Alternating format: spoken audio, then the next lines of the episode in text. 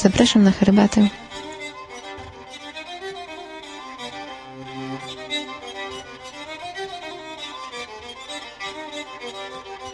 Herbata Utopicy blogspot.com Witam w czwartym odcinku Herbaty o Topielicy. Dzisiaj znowu będę opowiadać o yerba mate, ponieważ przyjechały do mnie wczoraj, albo nie, przedwczoraj, 2 kg yerby, więc materiału badawczego i do recenzji jest całkiem sporo. Opowiem też drugą legendę o tym, jak została odkryta yerba mate, a także trochę o historii upraw. To będą główne tematy dzisiejszego e, odcinka podcastu, lecz oczywiście nie będzie to wszystko. Zapraszam do słuchania. Piję dzisiaj moją ukochaną, ulubioną yerba mate, czyli Nobleza Gaucha Simpalo, wersja w czerwonym opakowaniu. Jak sama wskazuje, są to same listki bez patyczków, dzięki czemu smak jest i działanie są mocniejsze, bardzo pobudzające, dobrze dają po głowie, a jednocześnie nie jest ten smak przesadnie cierpki, jest to bardzo głęboki, bardzo klasyczny. Do tej pory, zanim spróbowałam e, Noblezy Gauczy bez patyczków, moją ulubioną wersją mate była również Nobleza Gaucza, lecz już lecz Konopalo w opakowaniu zielonym. Ona dość specyficznie smakowała jak na matę, ponieważ robi, no, robi się ją troszeczkę inaczej niż zazwyczaj. A mianowicie oprócz klasycznej, um, klasycznej obróbki jest przed sprzedażą jeszcze przez 24 miesiące leżakowana. Sprawia, że jest um, nieco delikatniejsza w smaku. Jest hmm, również pobudzająca, może troszeczkę mniej niż w wersji Simpalo. Jednak ma taki specyficzny posmak i jest to moja druga ulubiona yerba w tej chwili.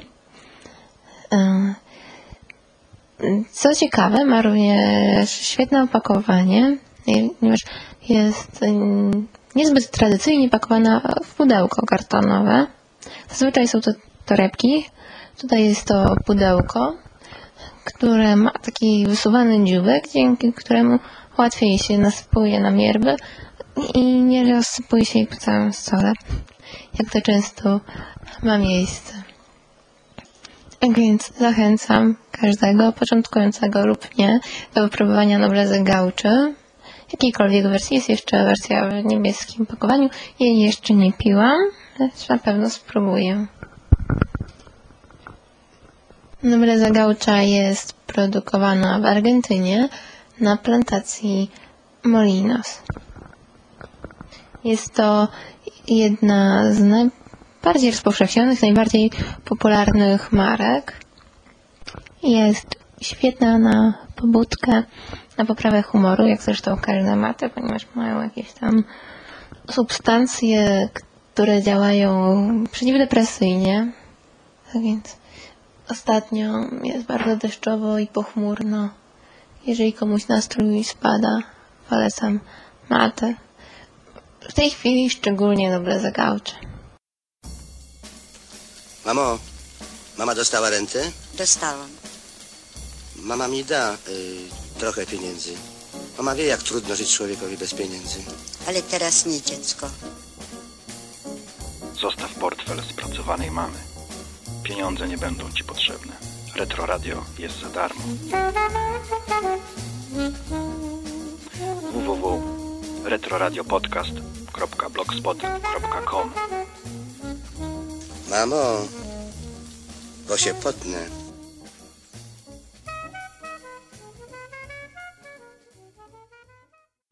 Dawno, dawno temu przodkowie Indian Guarani przypłynęli ocean i osiedlili się w Ameryce Południowej. Wtedy jeszcze nie, nie wiedzieli, jak się nawozi ziemię.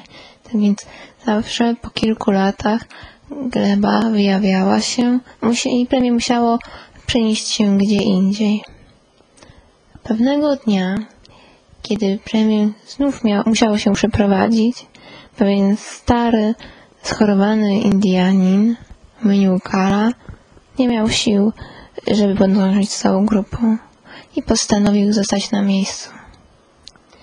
Jego najmłodsza córka, Jara, była bardzo smutna. Nie wiedziała, co robić. Chciała iść razem z plemieniem, lecz poczucie obowiązku oraz miłość nie pozwalały zostawić starego ojca.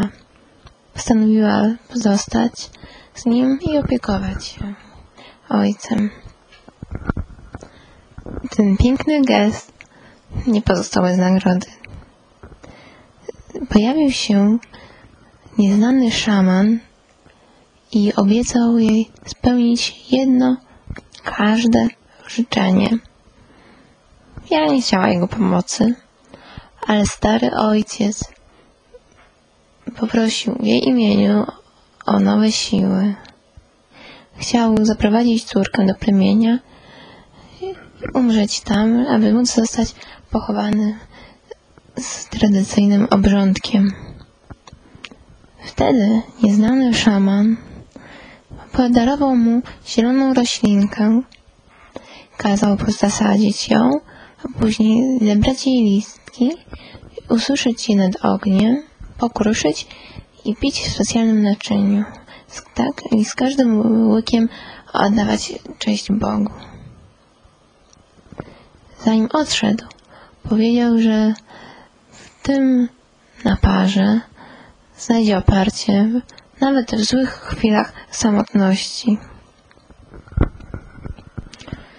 Stary Indianin, kiedy napił się tego zielonego wywaru, nabrał sił i mógł w końcu wyruszyć w długą wędrówkę, aby spotkać swo- swoje plemię, swoich krewnych.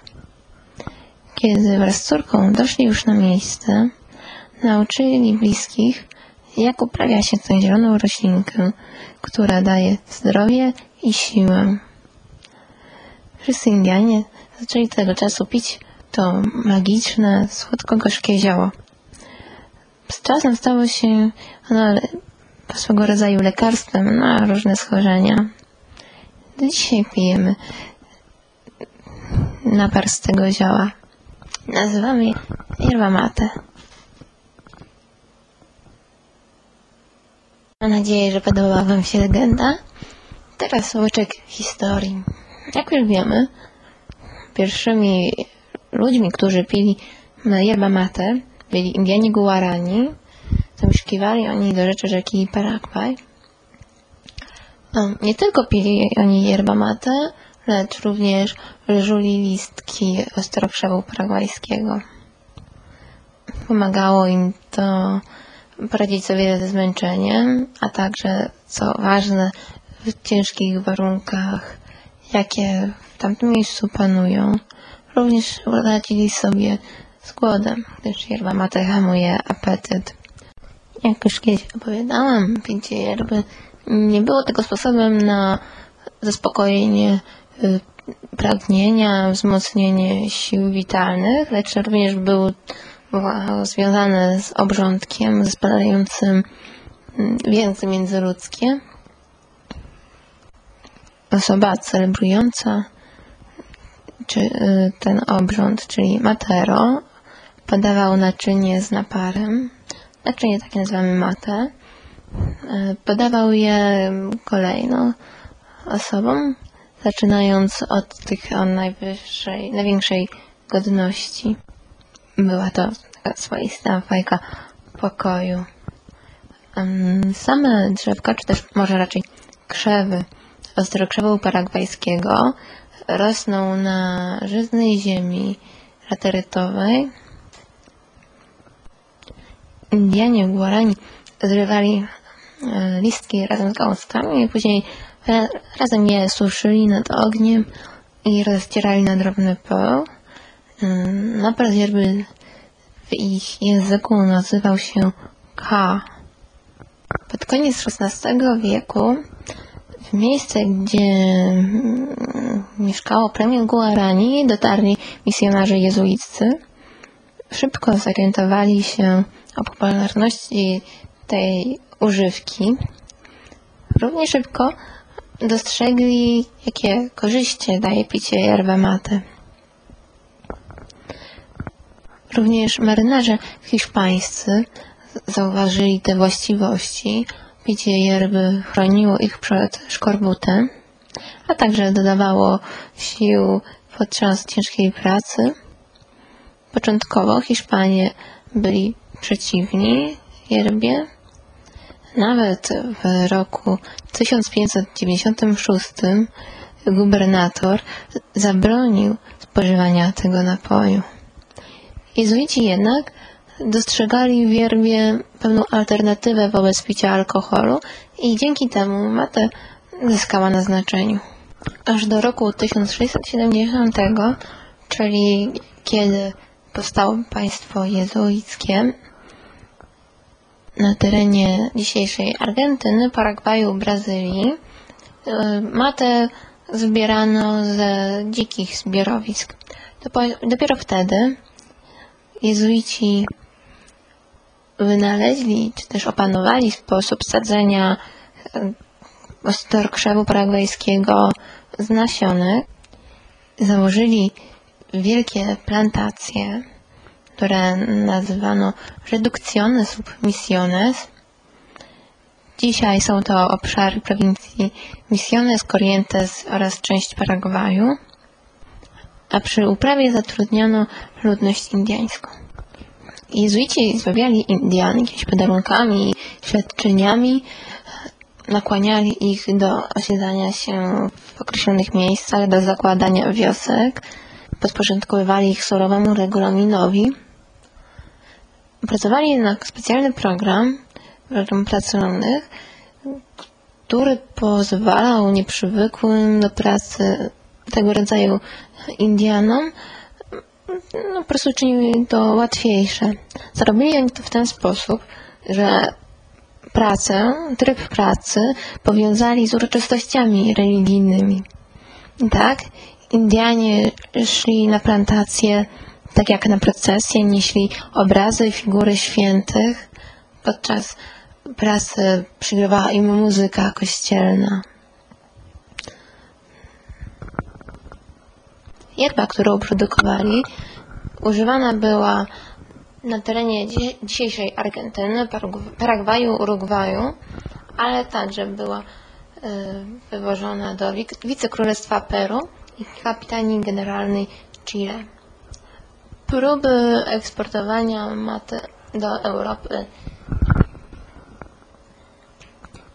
nie powiodły się. Zwyczaj picia yerby nigdy nie stał się alternatywą, taką wiodącą alternatywą dla sprowadzanej z Azji herbaty. To była pierwsza część z historii yerba mate. Za tydzień usłyszycie drugą połowę, gdyż jest tych informacji bardzo dużo i nie chciałabym Was zmęczyć za bardzo. A także, ponieważ jest jeszcze kilka rzeczy, o których będę chciała opowiedzieć. Chcę opowiedzieć, opowiedzieć na przykład o pewnym alternatywnym spokoju, spokoju, sposobie parzenia yerba mate. To mate de leche, czyli zaparzanie yerby przy pomocy mleka. Jest to bardzo proste. Robimy to prawie tak samo jak zakażamy normalną yerbę, czyli wsypujemy do naczynka odpowiednią ilość suszu i zalewamy to ciepłym mlekiem. Tak właśnie, mlekiem. Ja tego jeszcze nie piłam, jeszcze i raczej nie będę piła, ponieważ nie piję w ogóle mleka. Jestem jednak ciekawa, może ktoś z Was będzie miał nastrój na eksperymenty i spróbuje. Jeżeli tak, dajcie znać. Powiedzcie, jak Wam to smakowało.